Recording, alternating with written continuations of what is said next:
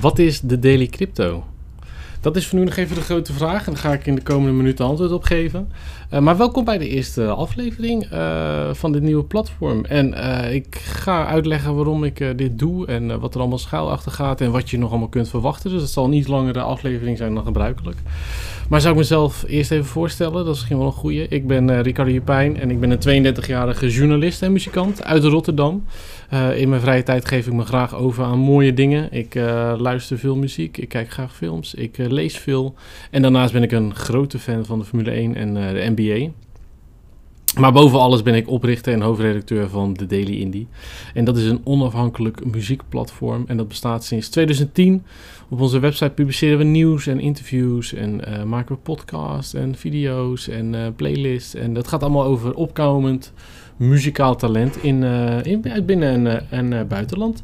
En voordat we in dit nieuwe daily avontuur stappen, springen, wil ik even benadrukken dat ik geen financieel adviseur ben. Ik ben ook niet echt van plan om advies te geven, maar raadpleeg altijd een adviseur bij financiële beslissingen. Dus crypto, ja. Er zijn een paar dingen waar ik, uh, waar ik echt maar niet over uitgepraat raak. Uh, en dat zijn eigenlijk drie dingen. Dat is enerzijds crypto, blockchain en Web3.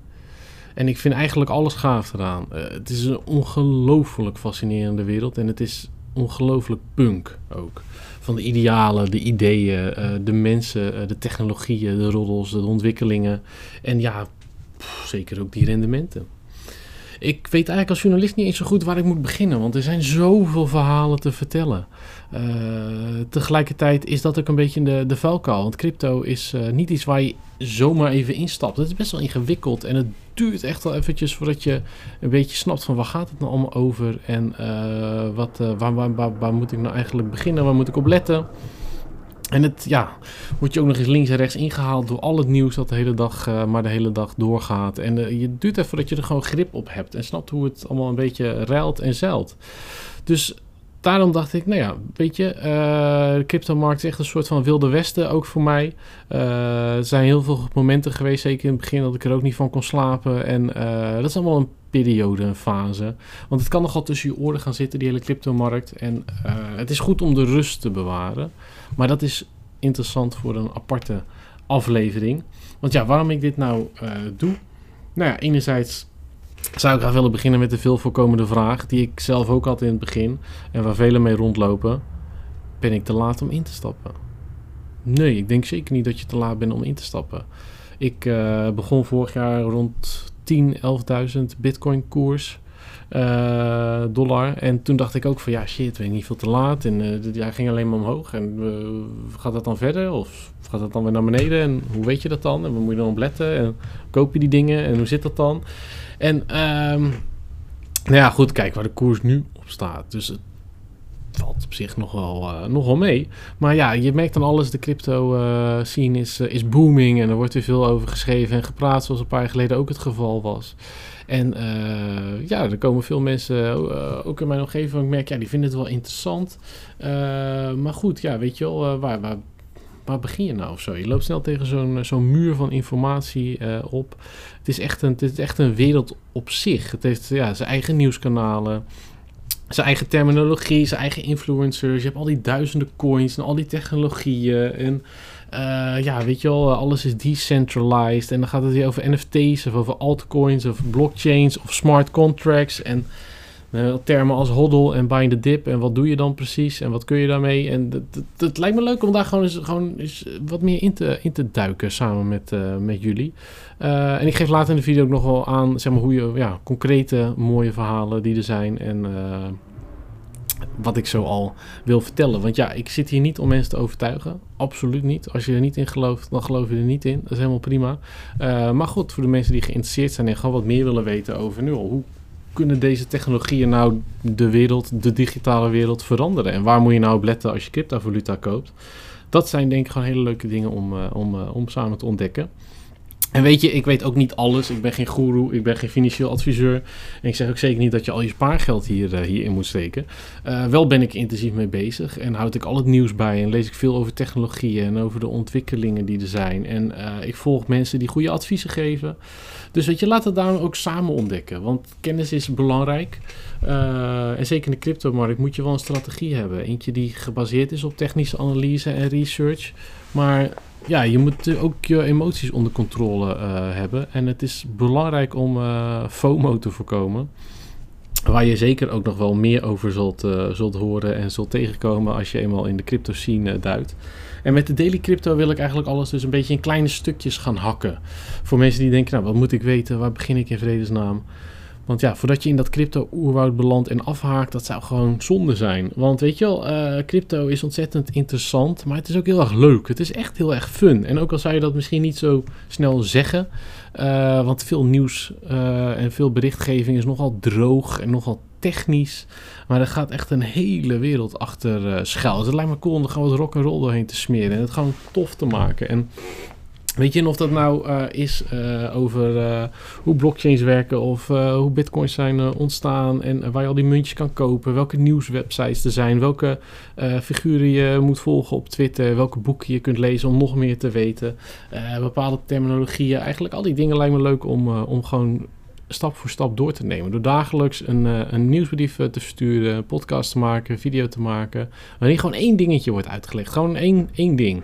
En het kan niet groot zijn, het kan niet klein zijn, maar gewoon uh, het, een, het eenvoudig te maken en behapbaar. En daarnaast, ja, gaat niet alleen om kennis. Ik denk dat het net zo leuk is om eens van mij te horen of van een van mijn vrienden te horen van ja, waarom zitten zij nou precies in de, in de cryptowereld? En uh, welke gevoelens komen er allemaal bij kijken? Welke doelen hebben ze? En waar kijken zij naar? Waar letten ze op? En uh, hoe kan het in hun uh, visie de wereld veranderen? Want dat is een beetje wat ik mis in, in Nederland en misschien ook wel wereldwijd. Het is gewoon persoonlijke verhalen. hoe is het nou om in crypto te investeren? En hoe verandert dat op dit moment de wereld al? In de grote media wordt er ruim tien jaar lang alleen maar geschreven eigenlijk over het feit of het nou een zeepbel is of niet. Uh, maar dan mis je volgens mij echt compleet waar dit over gaat. Dan heb je echt geen idee waar je het over hebt. Want in principe worden met al deze technologieën wordt het nieuwe internet gebouwd. En dat is zo interessant. En denk ook dat er wordt gestreefd naar een gedecentraliseerde wereld, waar we het net al even over hadden. Waar mensen echt direct met elkaar in contact staan. Want al lijkt het soms dat je wel direct contact met iemand hebt, of direct zaken met iemand doet. Dat is nooit zo. Er zit altijd iemand tussen. En dat kan een bank zijn, een overheid, uh, Silicon Valley figuren, dictators, uh, een klein clubje mensen dat de regels bepaalt. Maar er zit altijd iemand tussen. En uh, je weet vaak genoeg hoe, hoe dat ook misgaat. En ja, hoe, hoe die macht misbruikt kan worden. En ja, weet je, als je om je privacy geeft, niet afhankelijk wilt zijn van onbetrouwbare tussenpartijen.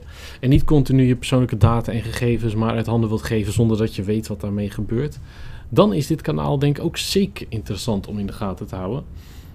Want anonimiteit heeft niet alleen maar privacyvoordelen. Uh, Zo'n beetje overal ter wereld worden mensen hun levens verwoest door systematisch uh, discriminatie. En wat te denken van autoritaire regimes en falende en corrupte overheden. En dat is denk ik het mooie aan crypto. Dat het niet discrimineert, dat het mensen onafhankelijk maakt. En dat het uiteindelijk zorgt voor meer gelijkheid. Maar inderdaad, daar, daar hoor je niet zo vaak over. En dat, dat is zonde, want er zijn zoveel mooie verhalen te vertellen over uh, arme gezinnen in Amerika. die echt al vroeg hebben geïnvesteerd in Bitcoin. en nu hun kinderen naar een goede universiteit kunnen sturen daardoor. Uh, maar net zo goed geldt het voor uh, onderdrukte protestbewegingen, zoals in Rusland met Alexei Navalny, die dankzij crypto kan blijven strijden. Of Wikileaks, waarvan al hun rekeningen werden bevroren, maar alsnog konden blijven bestaan door crypto-donaties. Maar net zo goed uh, helpt het de vrije pers, uh, bestrijdt de discriminatie op de financiële markt, uh, kan het gegevens, patiëntgegevens, nou een keer echt goed beveiligen, kan het ervoor zorgen dat stemfraude uitgesloten wordt, waar we dit jaar ook al meer over gehoord hebben. hoe migranten bijvoorbeeld geld naar huis kunnen sturen, ondanks financiële sancties tegen hun thuisland vanuit de regering. Of de vele honderden miljoenen mensen die geen bankrekening kunnen openen eh, en mede daardoor in armoede blijven hangen. En dat lijkt misschien allemaal ver van je bedshow verhalen, maar dat is helemaal niet zo. Want in Nederland bijvoorbeeld uh, kunnen sekswerkers uh, lastig een zakelijke bankrekening openen of een hypotheek krijgen. En dat is compleet bizar. En volgens mij weten we nu al een beetje welke oplossingen daarvoor zijn.